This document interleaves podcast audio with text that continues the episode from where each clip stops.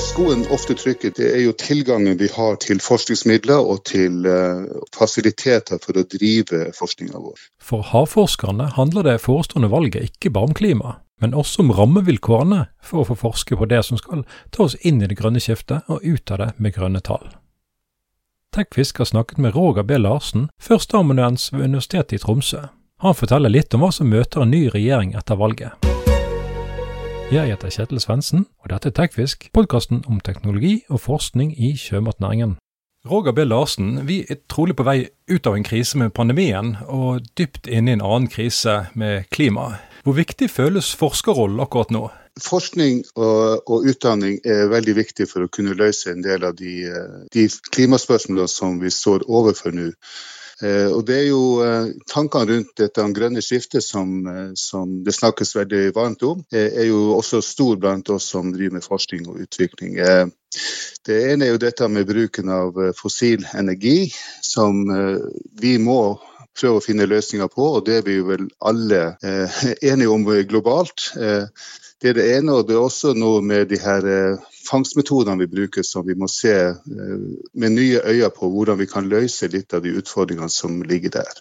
Så det her er ting som, som vil, eh, vil, oppta oss i fremtida framover, og som legger føringer for både vår forskning og også den måten vi skal utdanne studenter på. Fordi at de unge som kommer inn på universitetet nå, de, de stiller disse spørsmålene til oss oftere og oftere. Hva skal vi gjøre for fremtida? Hvordan skal vi kunne løse disse disse store klimautfordringene som, som, vi står overfor nå, både globalt og, og, det som rammer oss da eh, mer lokalt. Og Når dere står midt i en krisetid og alle ser mot forskerne til å komme med de store løsningene, hvordan eh, oppleves det?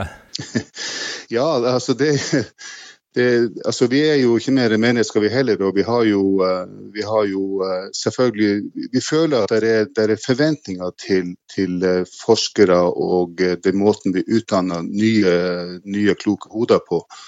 Så det er jo et, stort ansvar å ta på seg og skulle, skulle kunne delta i, i, i denne utviklinga og i denne utdanninga her. For å få det til, så tror jeg ikke det Det, det strander jo ikke på, på det å, finne på eller, eller å skape de, de, gode ideene her. Men det det ofte strander på her, det er de verktøyene man har til rådighet for å gjøre det.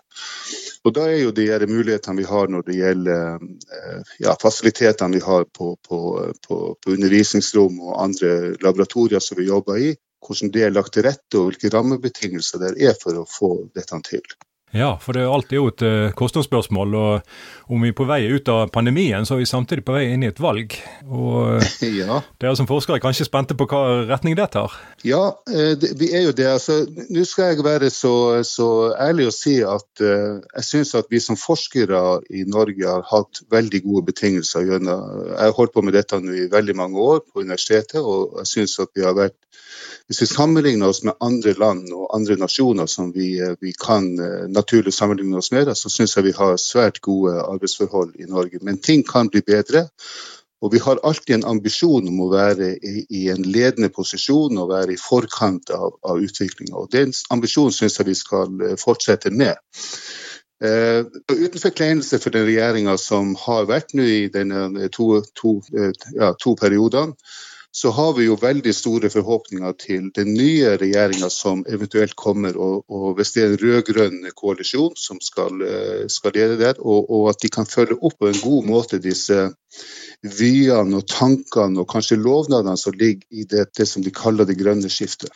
Det er jo et kjempeløft som skal, skal gjøres. og Eh, nå har jo Norge vært så heldig at vi, vi, har, vi er rik på naturressurser. Eh, vi har fiskeriene, vi har eh, oljeindustrien særlig, som har gitt oss disse fantastiske mulighetene for å utvikle samfunnet. Nå meldes det jo da i forbindelse med grønne skiftet at eh, oljealderen er på en måte på hell, og vi må finne nye løsninger her. Og Da er det jo eh, for oss veldig spennende hvordan eh, den nye, eller den neste regjering skal takle dette grønne skiftet, og hvordan de skal kunne vedlikeholde si, intensjonene og vyene om at vi skal ligge i, for, i, forkant når det gjelder både forskning og utvikling for å få til det grønne skiftet og den, den ikke bare nasjonalt, men også være med på å lede den globale utviklinga, sånn som vi har vært på på en del andre områder. Hvor stor forskjell merker du fra eh, periode til periode? Det er jo godt du minner meg på om det at jeg har levd i, levd i mange år og, og sett, sett, mange skifter her.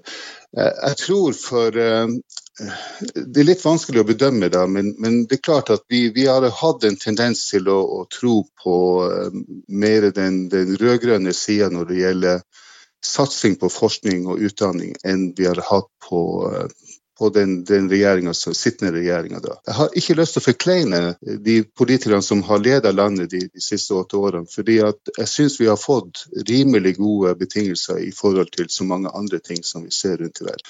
Men skal vi ha ambisjon og vyer om å være i, i ledende posisjon, så trenger vi gode rammebetingelser. Og Da har jeg en, en følelse av at den rød-grønne sida har hatt et større fokus på forskning og utdanning enn den andre sida. Men et grønt skifte med bærekraft krever også lønnsomhet. Hvordan kan en eh, regjering med eventuelt nye hoder legge best til rette for et eh, grønt skifte med grønne tall? Ja, det er det store spørsmålet. Hvordan, hvordan skal man få det til, da?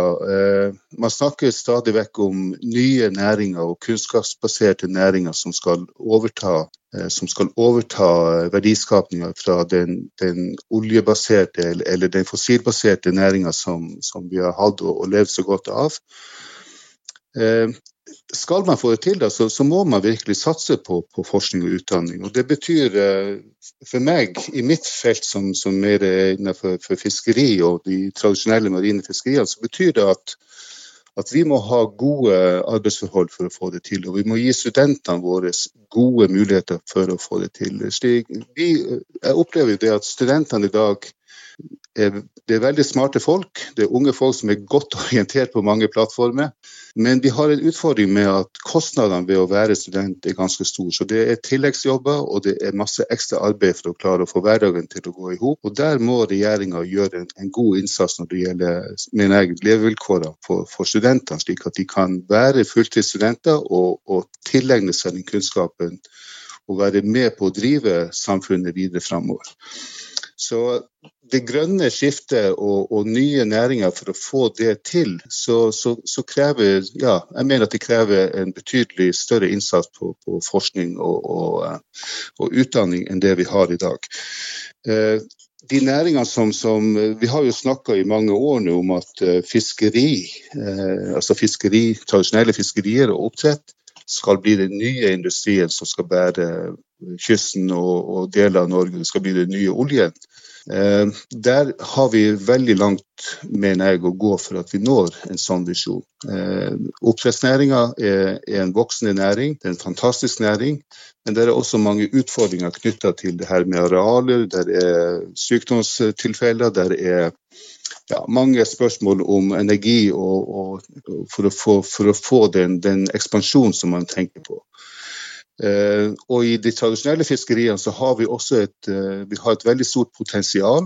Uh, vi, vi, utnytter mye av de tradisjonelle ressursene, altså de tra tradisjonelle artene, til, til, et maksimalt utbytte. Men så har vi en god del utnytta ressurser som vi har store forventninger til. og F.eks. dette med det vi kaller såkalte mesopelagiske ressurser, sånn som krill og ja, mange av disse dypvannsartene som, som vi, vi, kjenner lite fra før.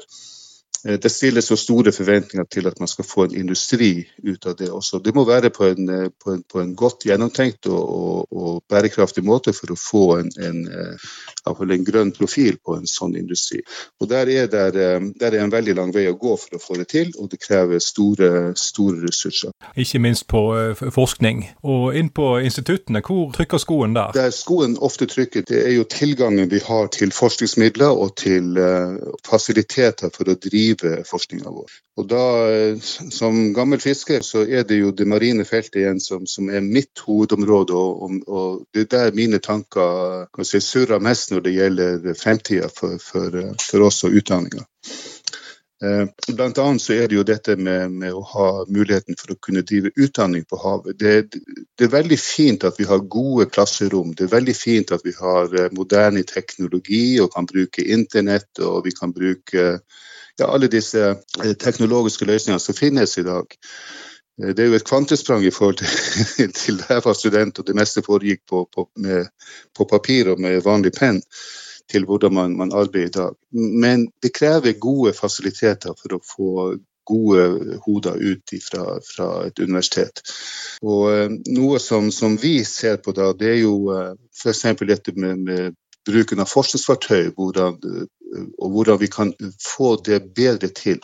Vi har en forskningsfartøypark i dag i Norge som er nokså unik. Eh, vi har mange forskningsfartøy. De har en høy standard. De aller fleste, på nær av noen vi har i Tromsø som ikke har så veldig høy standard pga. alder. Eh, men det vi mangler i stor grad, er forskningsfartøy som kan ta med større grupper av studenter og forskere som skal utdannes. For Det er viktig å ha gode laboratorier på land. Det er viktig å ha gode hjelpemidler på land, eh, teknologiske hjelpemidler. Men det er følelsen av å være ute i felt og det å jobbe hands on med, med ting, altså det å, å, kunne ta og føle på ting og delta i det virkelige, det jeg kaller det virkelige livet på havet, er særdeles viktig for, for, utdanning av folk. Og Det er en tilbakemelding vi får fra våre studenter. Nå, nå jobber jeg på et institutt som heter Norges fiskerihøgskole innenfor eh, Universitetet i Tromsø. Og Den utdanningen vi har der mot det som var, ja, vi kaller for fiskeri- og havbruksvitenskap, eh, de, de etterspør stadig mer tid ute i felt for å kunne få hands on informasjon om det som skjer. Det kan være det som har med utvikling av fiskerien å gjøre, hvordan vi utnytter disse ressursene på en bærekraftig måte. Vi har dette store eh, forskningsfeltet som vi også leder nå fra Universitetet i Tromsø, som går på dette med marin forsøpling eh, fra tapte fiskeredskap eller materialer fra, fra fiskeredskap. Og slike ting. Og Da er det viktig å kunne komme ut i feltet. Så vi trenger mer slike fasiliteter for å kunne, og, og oppdaterte fasiliteter for å kunne nå de, de målene som, som, vi Eller de, de, de målsettingene vi har innenfor universitetet for forskning og utdanning. Her har vel eh, havbruksnæringen vært eh, flink med å knytte seg opp til eh, forskningsinstitusjoner og ha visningslokaliteter? Ja da, det, det har de selvfølgelig vært. og Uh, Nå jobber jeg ikke så mye inn mot, uh, mot havbruksnæringa, men det er klart det, det, er en god modell for hvordan man kan gjøre det også innenfor fiskeri. Og Når det gjelder fiskerisida, så er jo de med i en stor grad gjennom uh, forskningsmidler som stilles til rådighet. Vi har jo dette denne avgiften som betales for omsetning av fisk, som går inn til fiskeri- og havbruksnæringa sitt forskningsfond. Og Det er jo fiskerne sine egne penger som de da fører tilbake til forskning for å få utprøvd ut ting som er relatert til, til de spørsmål som industrien stiller. Og Der har vi også vært så heldige at vi har fått eh, relativt stort tilslag på sammen med, altså basert på at industrien ønsker det, på forskningsprosjekter som har vært direkte knytta opp mot eh, de spørsmålene som fiskeriene eh, spør om. Noe av den jobben eh, gjør vi selvfølgelig på kommersielle fartøy, og kanskje primært på kommersielle fartøy. Men så er det noen av disse spørsmålene som ikke lar seg løse på, på, i et travelt kommersielt fartøy. Det blir for kostbart og det blir for tidkrevende for, for, for flåten å gjøre det. Så da trenger vi forskningsfartøy for å gjøre det. Og, og vi har vært så heldige her i Tromsø at vi har hatt eh, eh forskningsfartøy der vi kunne ha utført, eh, utført eh, fullskala forsøk på f.eks. trålredskaper og teiner og, og, en del andre redskaper, så vi kunne få testa det ut i full skala, men under, under vår, eh, vår, regi og under en, en, regi som gjør at vi får et, eh, frem de vitenskapelige dokumentasjonen på, på effektene som vi, vi prøver å måle. Eh, det er, jo, eh, det er, jo, slik at eh, når det gjelder utviklinga på f.eks. bruken av bunntrål og dette med, med, det vi kaller selektiv fiskeri, altså det å unngå unødig bifangst, der har vi jo vært ledende nå internasjonalt i mange, mange år. Takket være de, de forskningsfartøymulighetene vi har hatt, å kunne ut, ut, utvikle ting da, på, på en god og kontrollert måte. Så ja, det, det er et sånn viktig poeng å, å, få frem det. Bruken av leiefartøy, er det et eh, alternativ? Bruken av leiefartøy er absolutt et alternativ for oss, og det prøver vi så godt vi kan i, i størst mulig grad. Enten som eh, i regi av vår egen institusjon, Universitetet i Tromsø, eller i samarbeid med andre nasjonale institusjoner. Det kan være sånn som Havforskningsinstituttet, eh, Sintef Fiskeri eller Sintef Ocean som det heter i dag. Og vi har også jobba en del sammen med Møreforskning i Ålesund. I, i, ja, under prosjektet da, som er, kanskje springer ut fra FHF sine, sine bevilgninger. Altså fiskeindustrien sine egne bevilgninger til, til, forskning. Og også når, når det har vært uh, rene forskningsprosjekter som er finansiert av uh, Forskningsrådet. Forskningsrådet stiller ikke midler til, til, til bruk av leiefartøy, så da må vi ha annen hjelp for å få det til.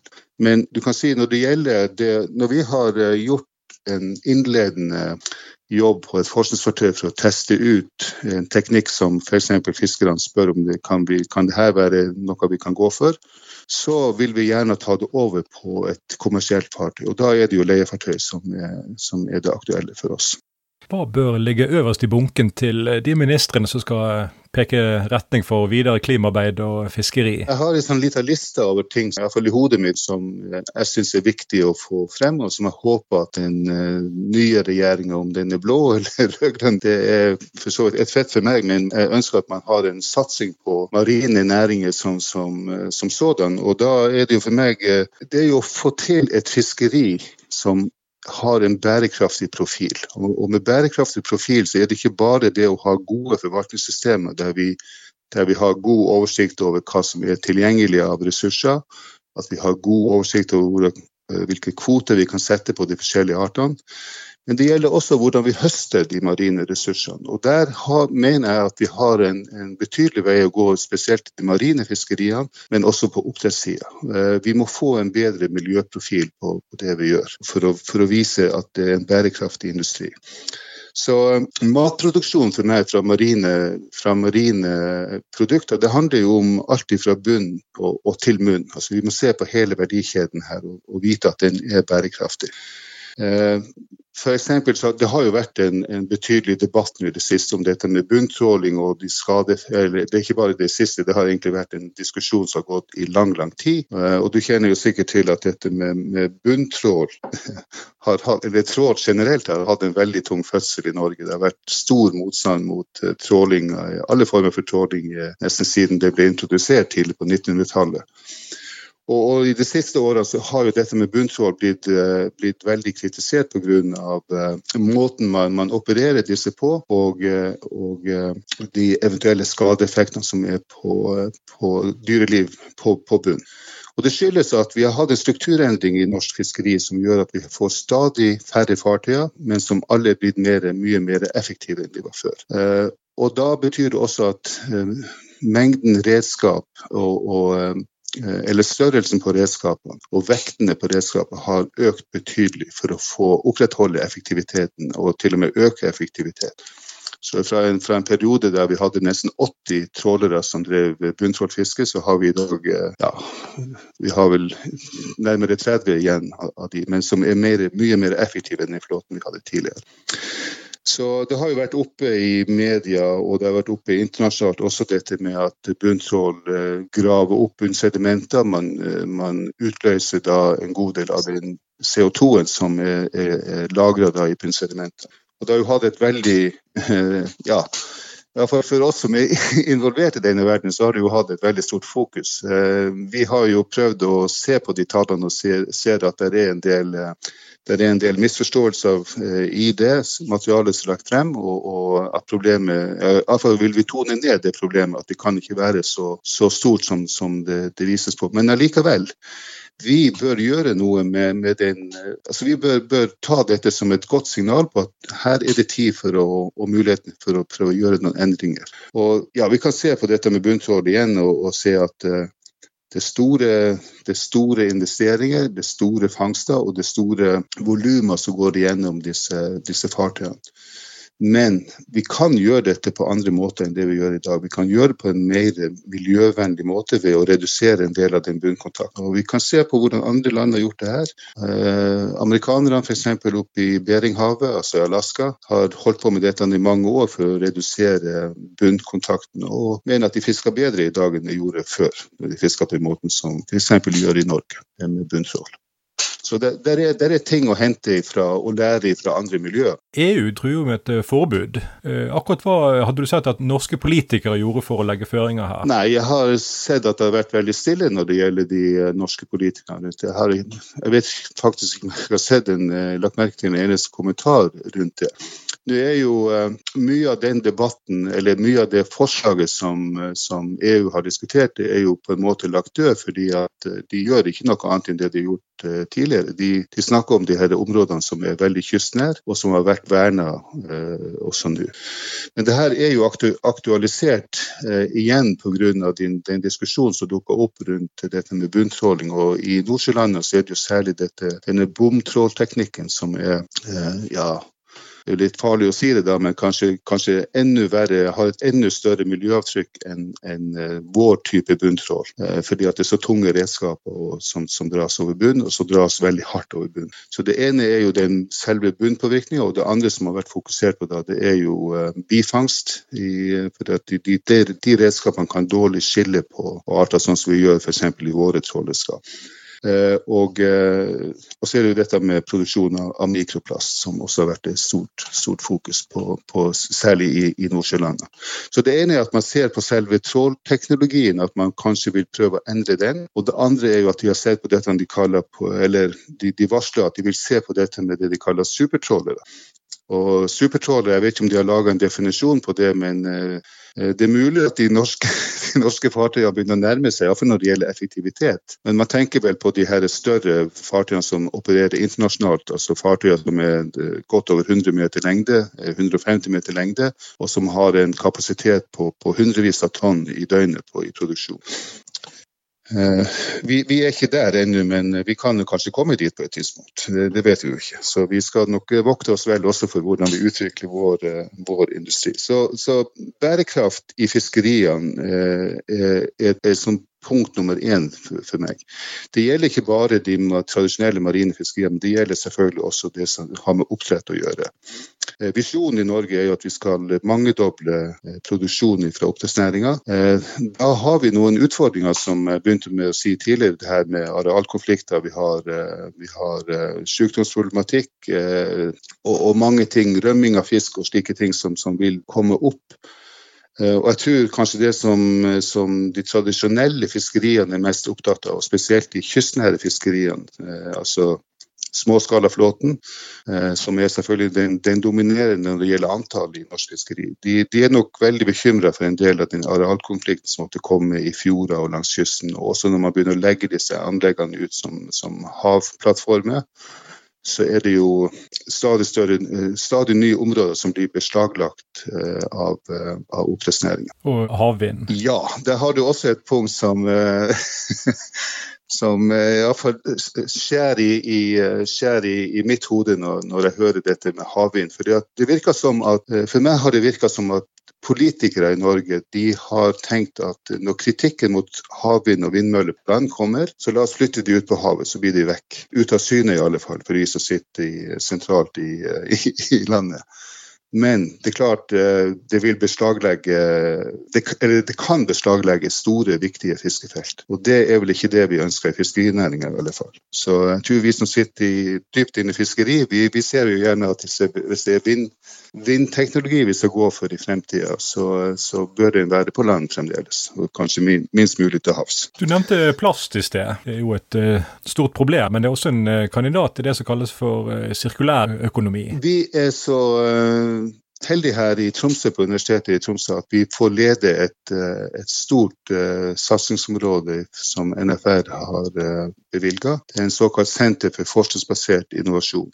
Uh, og Jeg sitter sentralt i den, i den, uh, den organisasjonen. og Dette er et prosjekt som er nasjonalt og med ganske stor internasjonal deltakelse også. Og så er jo Det hele er basert på at det er utdanning og utvikling for industri, norsk industri. Så det er en stor andel av norske industripartnere inne i prosjektet, både fra fiskerien og fra leverandørindustrien og produsenter av, eh, av materialer. Det som opptar oss mest, det er jo skadevirkningene som har vært av eh, plast. Vi har jobba med plastmaterialer i fiskeriene i 60-70 år. Vi vet at årlig så tilføres verdenshavet 12-14 millioner tonn med plast. Veldig mye av det her er selvfølgelig husholdningsplast, men også en god del fra fiskeri, som man regner med at det er en ja, Fiskeridirektoratet har et tall på 640 000 tonn plast som er basert fra fiskeredskap. Norge har en god, del, en god andel av dette.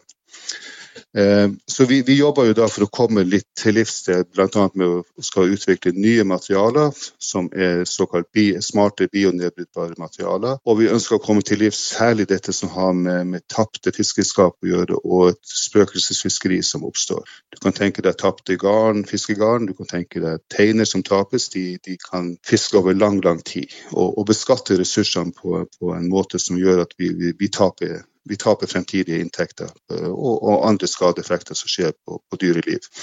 Når det gjelder sirkulær økonomi ut av, ut av plaster, så er det slik at en del av den plasten som kan samles inn, den lar seg jo resirkulere. Men det er også en god del plast som ikke kan resirkuleres. Så det her er et forskningsfelt som vi også har inne i denne SFI-en vår. Hvordan kan, komme, hvordan kan vi utnytte dette som en ressurs, og hvordan skal vi løse de utfordringene som, som plast skaper. Vi vi er såpass ærlige at vi tror ikke at uh, plastbaserte materialer vil forsvinne. Tvert om, det vil nok sikkert bli kanskje enda mer bruk for plast i fremtiden. Men den nye plasten vi skal lage, den skal la seg være bionedbrytbar. Og vi må komme bort ifra grunnstoffene som er fossilt eh, brennstoff eller olje som vi bruker i dag for å lage plast. Og Det er jo det som det forskningsprosjektet vårt eh, skal ta hånd om. Plast har jo eh, nådd både avisspalter og helt opp i regjeringshold. Hvordan merker dere den oppmerksomheten hos dere? Ja, Vi har jo merka på den måten at vi har fått støtte til et, et åtteårig prosjekt på universitetet, og det er jo en, en veldig flott, flott, satsing. Det betyr mye penger, offentlige penger som bevilges inn for å drive dette, for å, å si, utdanne forskere, altså eh, mastergradsstudenter, ph.d.-studenter og de som kommer etter ph.d., altså postdoker, som skal, skal, drive forskning og drive den, den, industrien fremover. Og hjelpe norsk industri til å komme igjen i en ledende posisjon når det gjelder utviklingen og ikke minst bruken av de her nye materialene. Vi har fått kjempegod respons fra dagens regjering på det. Fiskeriministeren Oddemil Odd Emil eh, Eriksen har vært også veldig flink og, og, og promotert og hjulpet oss med å, eh, ja, tale varmt for, for, denne saken. her. Vi, vi og også eh, andre offentlige institusjoner, sånn som Miljødirektoratet og, og Fiskeridirektoratet, har også vært veldig veldig behjelpelige og positive til å fremme dette. Det samme har også fiskeriorganisasjonene eh, vært. Altså Fiskarlaget og, og Råfisklaget og andre organisasjoner. Og industrien sjøl er jo veldig eh, keen eller gira på at vi skal få finne fremtidige løsninger, og er veldig interessert i å delta i prosjektet. Så det vi opplevde da, da vi starta det her i fjor, det var jo at uh, Først var det litt det var interesse for problematikken. Litt sånn, sånn avventende på hva er det dere er ute etter, hva er det dere vil til at vi fikk et kjempetilfang til, til, partnere som var interessert i å komme inn. Ikke bare nasjonale, men også internasjonale partnere som ville inn i et sånt prosjekt. Fordi at man ser at det må komme et skifte i bruken av disse materialene for å, for å bekjempe en del av skadevirkningene som skjer, spesielt i det marine miljøet. Så det handler jo om fugler og dyr og, som, som, eh, sliter med, med, disse plastproblemene. Det handler om uh, mikroplast, som vi kanskje må slite med i generasjoner fremover i tid.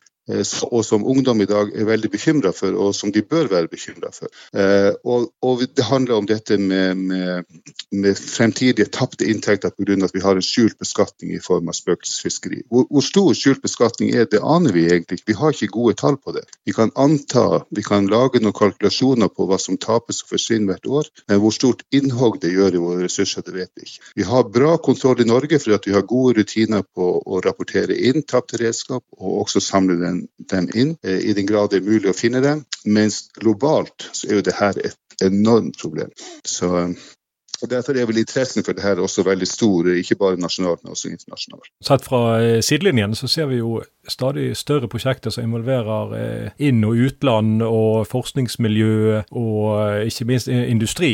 Er dette en ny trend, disse virkelig på tvers-prosjektene? Eh, jeg tror nok det er en trend som er et resultat av at vi jobber mer og mer internasjonalt. Det er nok viktig også for å kunne drive både forskning og utdanning fremover, det at vi jobber internasjonalt. Mange av de store prosjektene som kommer, er, de forutsetter jo da at du har en internasjonal deltakelse. Spesielt hvis du skal gå inn i, eh, på såkalte EU-prosjekter, som vi oppfordres stadig mer til å gjøre for å for å få tilbake litt av den potten som, som Norge legger inn til EU, eh, så, så, krever det jo et internasjonalt samarbeid. Og, og det å drive drive, drive forskning i et internasjonalt konsortium, det, er, det, skaper jo selvfølgelig mange utfordringer. Det er ofte dyre organisasjoner, og spesielt i en tid da man, da man drev og reiste for å komme på møter så koster det veldig mye å drive organisasjonen. Og det gjorde at for vi i Norge vi har hatt eh, Nei, ikke, jeg skal ikke si Norge, jeg skal si for mitt område.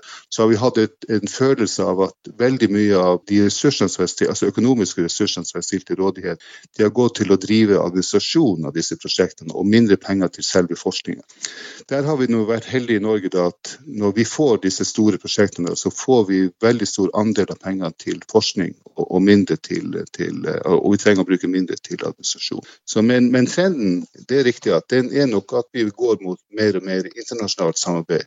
Og jeg tror igjen for, for utvikling av det å få de gode ideene frem og få de gode forskningsresultatene eh, ut, så, så, tjener vi på et internasjonalt samarbeid. Og Vi ser jo også at studentene våre er veldig interessert i, i internasjonaliseringa som, som, vi har. Og det å kunne delta på, på ja, Nå har det vært mye digitalt de to siste årene, men også det å kunne delta på på f.eks. når vi kjører forskningstokt eh, med våre fartøyer fra Universitetet i Tromsø, så, så, prøver vi å fylle opp båten med så mye forskere som mulig, at vi utnytter kapasiteten fullt ut. Vi tar gjerne med grupper som ikke direkte, gjør direkte det samme som oss og jobber med, med fangstmetodikk.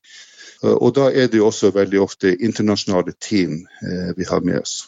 Det kan være Vi har eh, ja, gjerne syv, åtte, ni nasjoner som, som deltar på slike tokt. Du kommer fra det som min kollega trolig fritt for ironi kaller verdens navle, Alsvåg. og du er, ja. bare, du er, ikke bare, forsker, men som du tidligere nevnte, du har bakgrunn som fisker tilbake på 70-tallet. Hva var holdningen på den tiden til klima og miljø? Var det tanker rundt det? Når begynte dere å merke den holdningsendringen blant folk? Jeg tror, eh, jeg tror nok at vel, Man var jo ung og, og, dum i den tida da på, på 70-tallet, men jeg tror nok at holdninga vår var at ressursene var nærmest utømmelige. Når vi jobba med, med, fangstmetodikk og redskap og sånn, og så at vi hadde et relativt stort energiforbruk, så var ikke det så veldig viktig. For det at, eh, vi, vi, hadde inntekt og vi hadde inntjening allikevel på, på, de tingene. Så dette hadde lite fokus. Alle disse miljøspørsmålene som vi har i dag, med ja, forsuring av havene, eh, global oppvarming, eh, Plastproblematikken som vi ser i dag og skadeeffektene, det var ikke tema den gangen. Så tankene var ikke på, på, det primært. Det var mer å drive fiskeri. og Min oppvekst var jo da i, eh, i trålfiskeri. Eh, til min, store forargelse for min far som var, var garnfisker. Eh, men, men, nok om det. Jeg vokste opp med det, og, og det var jo en næring som da på 70-tallet vi, vi, var ikke sett som helt stuerene stuereine som fiskere. Vi, vi, sleit litt med å bevise at vi var ekte fiskere. Uh, og Spesielt blant, blant kystfiskerne så var vi dårlig likt. For det var jo Den tida var det jo det her Vi hadde jo stor internasjonal flåte som også jobba parallelt med oss, og det var veldig mye brukskollisjoner. så Min far var ikke tilhenger av det som heter trålfiske den gangen. Så jeg måtte gå med bøyd hode hver gang jeg skulle besøke hjemmet. Sånn, sånn, var det. Nei, altså, det har vært en, en, en det, fra den tida til i dag så har det vært en kolossal endring når det gjelder bevisstheten på, på dette med miljø og bruken av ressursene. Så du kan si innenfor igjen til fiskeriene, da, når det gjelder fartøyteknologien, så har jo den gått vi går stadig nærmere mot det vi kaller grønne skip, der man har lagt stor vekt på dette med, med NOx-utslipp og, og, endring av, eh, av eh, ja, motorytelsene på, på, på, fartøy og skipsdesign for å redusere eh, motstand og energiforbruk. Det jeg også har merka meg veldig tydelig, det er når vi er ute på kommersielle fartøyer, det er jo at fiskerne altså Fra før når vi drev og reparerte redskap, sånn, så får du små avkutt fra tråd, og det kan være også deler, sånn små biter fra, som er skada. Det var ikke så veldig nøye om det gikk på havet eller ikke, for det forsvant jo. Ja. Mens i dag så er fiskerne veldig nøye på at du ser den minste biten av, av plast, så skal det plukkes opp, og det skal tas i en container og tas vare på og fraktes, fraktes til land. Så der har det skjedd en, en kolossal holdningsendring. Så jeg tror nok at, og det er jo slik at dagens fiskere, dagens fiskere, du kan tenke, og spesielt de som kanskje har det største ansvaret, skipperne om bord på båt, det, det er høyt utdanna folk. Det er høyt kvalifiserte folk, og de bruker nok hverdagen sin til eh, Når de sitter ute på havet, eller sitter eller står eller jobber ute på havet, så tenker de nok ofte veldig nøye gjennom hvordan skal det se ut i morgen, dette fiskeriet. Og hvordan kan vi ta vare på, på de ressursene som vi har tilgjengelig. Så jeg tror nok at tankene og bevisstgjøringa rundt uh, miljøspørsmål den, den, er veldig, den er flagga veldig høyt blant våre fiskere i dag. De, de, blir jo for øvrig også tuta ørene fulle av det her til, til stadighet og minner på av, av oss som er i forskninga om, om, slike ting. Har det vært like stor eh, bevisstgjøring eh, på de, de forskjellige politiske fløyene? Det skal jeg være veldig forsiktig med å si. Altså, jeg kjenner jo en del politikere som lokalt som er veldig opptatt av disse tingene, og kanskje spesielt i, i kystnære kommuner så vil de være veldig opptatt av det. Når det gjelder de som sitter sentralt uh, i uh, storting og regjering, så er det jo, det er jo ikke til å komme bort ifra at uh, vi som jobber innenfor fiskeri og mot fiskerinæringa, vi er jo litt skuffa over at det er så liten bevisstgjøring rundt dette med fiskeri og betydninga av fiskerien. Fordi at det er så veldig få som, som på, på storting og regjering som, som, har bakgrunn fra fiskeri. Så det er et sånt tema som jeg tror er veldig lett å vi kan si at man har kanskje et inntrykk av at man snakker om mange andre veldig viktige ting, og så kommer fiskeri litt, sånn litt langt ned på, på agendaen.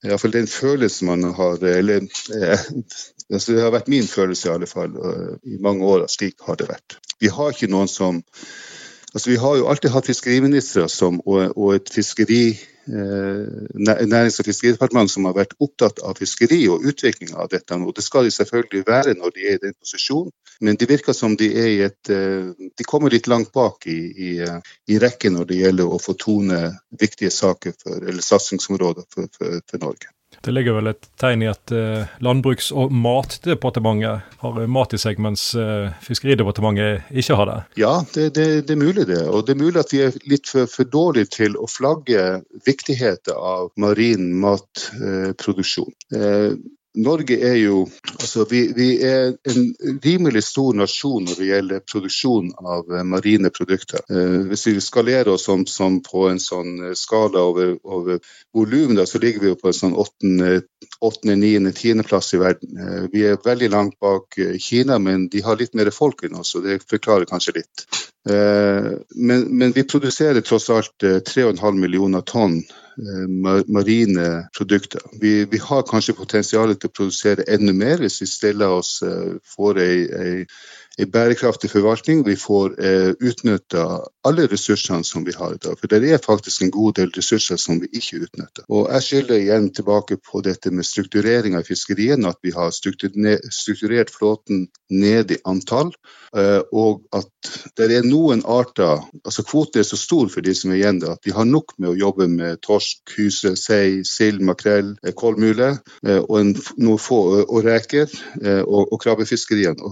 Men alle de andre artene som er tilgjengelige, de, de har liksom falt litt bort fra, fra fiskeriene. F.eks. Hvis, hvis du kjenner sikkert til dette med, med, med flyndrefiske som vi hadde, som var en relativt stor kystnært eh, næring som der vi starta snurrefiskeriet i Norge. Det var jo, det var jo flyndre eller rødspette som var basisen for det. I dag så vet jeg ikke om det fanges en eneste rødspette med, med et redskap, fordi man har nok med de andre kvotene som man jobber med. Men, men det er nå sånn hjertesukk jeg har. at Jeg vet at det er mange som er veldig uenige med meg når det gjelder struktureringa i, i fiskeriene. Nei, så bærekraft her er jo uh, selvfølgelig viktig. Og det, det andre punktet som, som, som, eh, som, opptar meg veldig, da, det er jo dette med, med marin forsøpling, som, er en ting vi, vi, har sett i mange år, at dette blir et stadig større problem. Eh, jeg har vært på, ja, som, du vet, så har jeg jobba med fiskeri da, i mange år også i forskning. Og det er veldig ille når du tar opp Eh, f.eks. deler av fiskegarn eller fiskegarndenke som kanskje har vært borte i 20-35 år, og så kommer opp med død og rester av fisk, men også med, med nesten levende fisk. Den har fisket i alle år? Den har fisket i alle år. Det samme med teiner. Du kan ta opp teiner som har stått borte i mange år, og de kommer opp med, med, med dødt, dødt, og levende materiale. og jo, Disse redskapene de egner seg jo sjøl hele tida. Så det er sånn evig, evighetsmaskiner inntil at det her kollapser. og med disse syntetiske materialene som vi bruker mer og mer, så er, vi vet jo at det tar tiår for at de brytes ned. Man, man sier jo gjerne som populært i Miljødirektoratet at uh, hvis du dropper en sånn, en sånn flaske som vi har uh, sodavann på, eller brus, eller de her type uh, polyetylenplast, hvis du dropper den i Barentshavet og det får de ligge på bunnen på, på 300 meters dyp, så kan vi komme tilbake om 600 år kanskje og plukke den opp igjen. Eh, så det er litt av perspektivet her med, med plasten. Og, og plast og, og, skadeeffektene av de, de, syntetiske materialene vi har brukt, eh, det får vi ikke se. Eh, de, de kommer til syne som gradvis nå. og Derfor er det viktig at vi begynner å, å endre på, på, de tingene. Så det er sånn selvfølgelig gjennom det her store prosjektet som vi skal lede det her fra Tromsø, så er vi jo veldig opptatt av akkurat det spørsmålet her når det gjelder ja, hvordan vi skal utvikle fiskeriene og, og moderne redskap fremover. Men jeg, jeg, tror at eh, akkurat disse miljøspørsmålene de har veldig høy eh, de er flagga veldig høyt. Det som, det som har uroa meg litt når det gjelder dette, det er jo at man, man, har hatt et veldig stort fokus på dette med strandrydding. Eh, og det er veldig bra for å bevisstgjøre folk på hvor ille det er. For du kan være med å rydde en strand eh, langs kysten vår, eh, og så kan du komme tilbake om et par-tre par, måneder senere, så ser det nesten like ille ut igjen. Og Det er jo sånn litt nedslående, men det er en god læring for å forstå at dette er et stort problem. Men det som er det store problemet her, eh, etter min mening, det er jo det som vi ikke ser. Fordi at man sier jo, eh, og det er jo tall som vi har fra også Miljødirektoratet, det er jo at kanskje mer enn 90% av all den plasten som tilføres eh, verdens hav, det ligger enten og flyter et sted i havet eller ligger på bunnen. Det meste ligger på bunnen. Det er kanskje bare rundt 10% som ligger på strender. Og, Der har vi også en jobb å gjøre for å fortelle folk den historien at plast er ikke bare det vi ser på strendene og som, som er, ekkelt å gå og trø i, eh, som skader kanskje turistnæringa vår og, og ja, det visuelle, men, men, vi må tenke på det som vi ikke ser også, og hvilke virkninger det har på, på natur og, og fremtida til, til mennesker. Men eh, altså, Nå snakker jeg varmt om mine ting, men det er klart det her med, forskning og utvikling og det vi gjør på, på, et universitet og også mitt institutt eller fakultet eh, for biovitenskap og fiskeri og økonomi, det, det handler om mye mye mer. Universitetet i Tromsø jobber med alt fra oseanografi til geologi og ja, mulige mineralforekomster. og det dyrelivet på og over vann og under vann særlig som vi jobber med. Og så er det jo, ja, Vi jobber med, med ting som har med etikk og utdanning av skips, uh, skipsførere. Vi jobber med, med skips, uh, altså vi har uh, institutter som jobber med skipsdesign, nye energikilder og en masse ulike felt. Og alle disse, disse tingene er jo viktige for marine næring og utvikling, og hvordan vi skal få til det her grønne skiftet som vi snakker om fremover. Så vi har jo store vyer her på universitetet om hvordan vi skal få dette til. Eh, og det vi kanskje ønsker å fremme for en ny regjering, det at de må være snille og se på det at vi har de verktøyene som skal til for å, for å nå disse vyene her. Bl.a. med de, de, de, plattformene vi har for undervisning og forskning, sånn som laboratorier, undervisningsrom, eh, tilpassa forskningsfartøy for, for, undervisning og utvikling av, av av ny kunnskap. Og, og, og De tingene må de, må de, virkelig ta fatt i. Med det i bakhodet, hva, hva stemmer den typiske forskeren?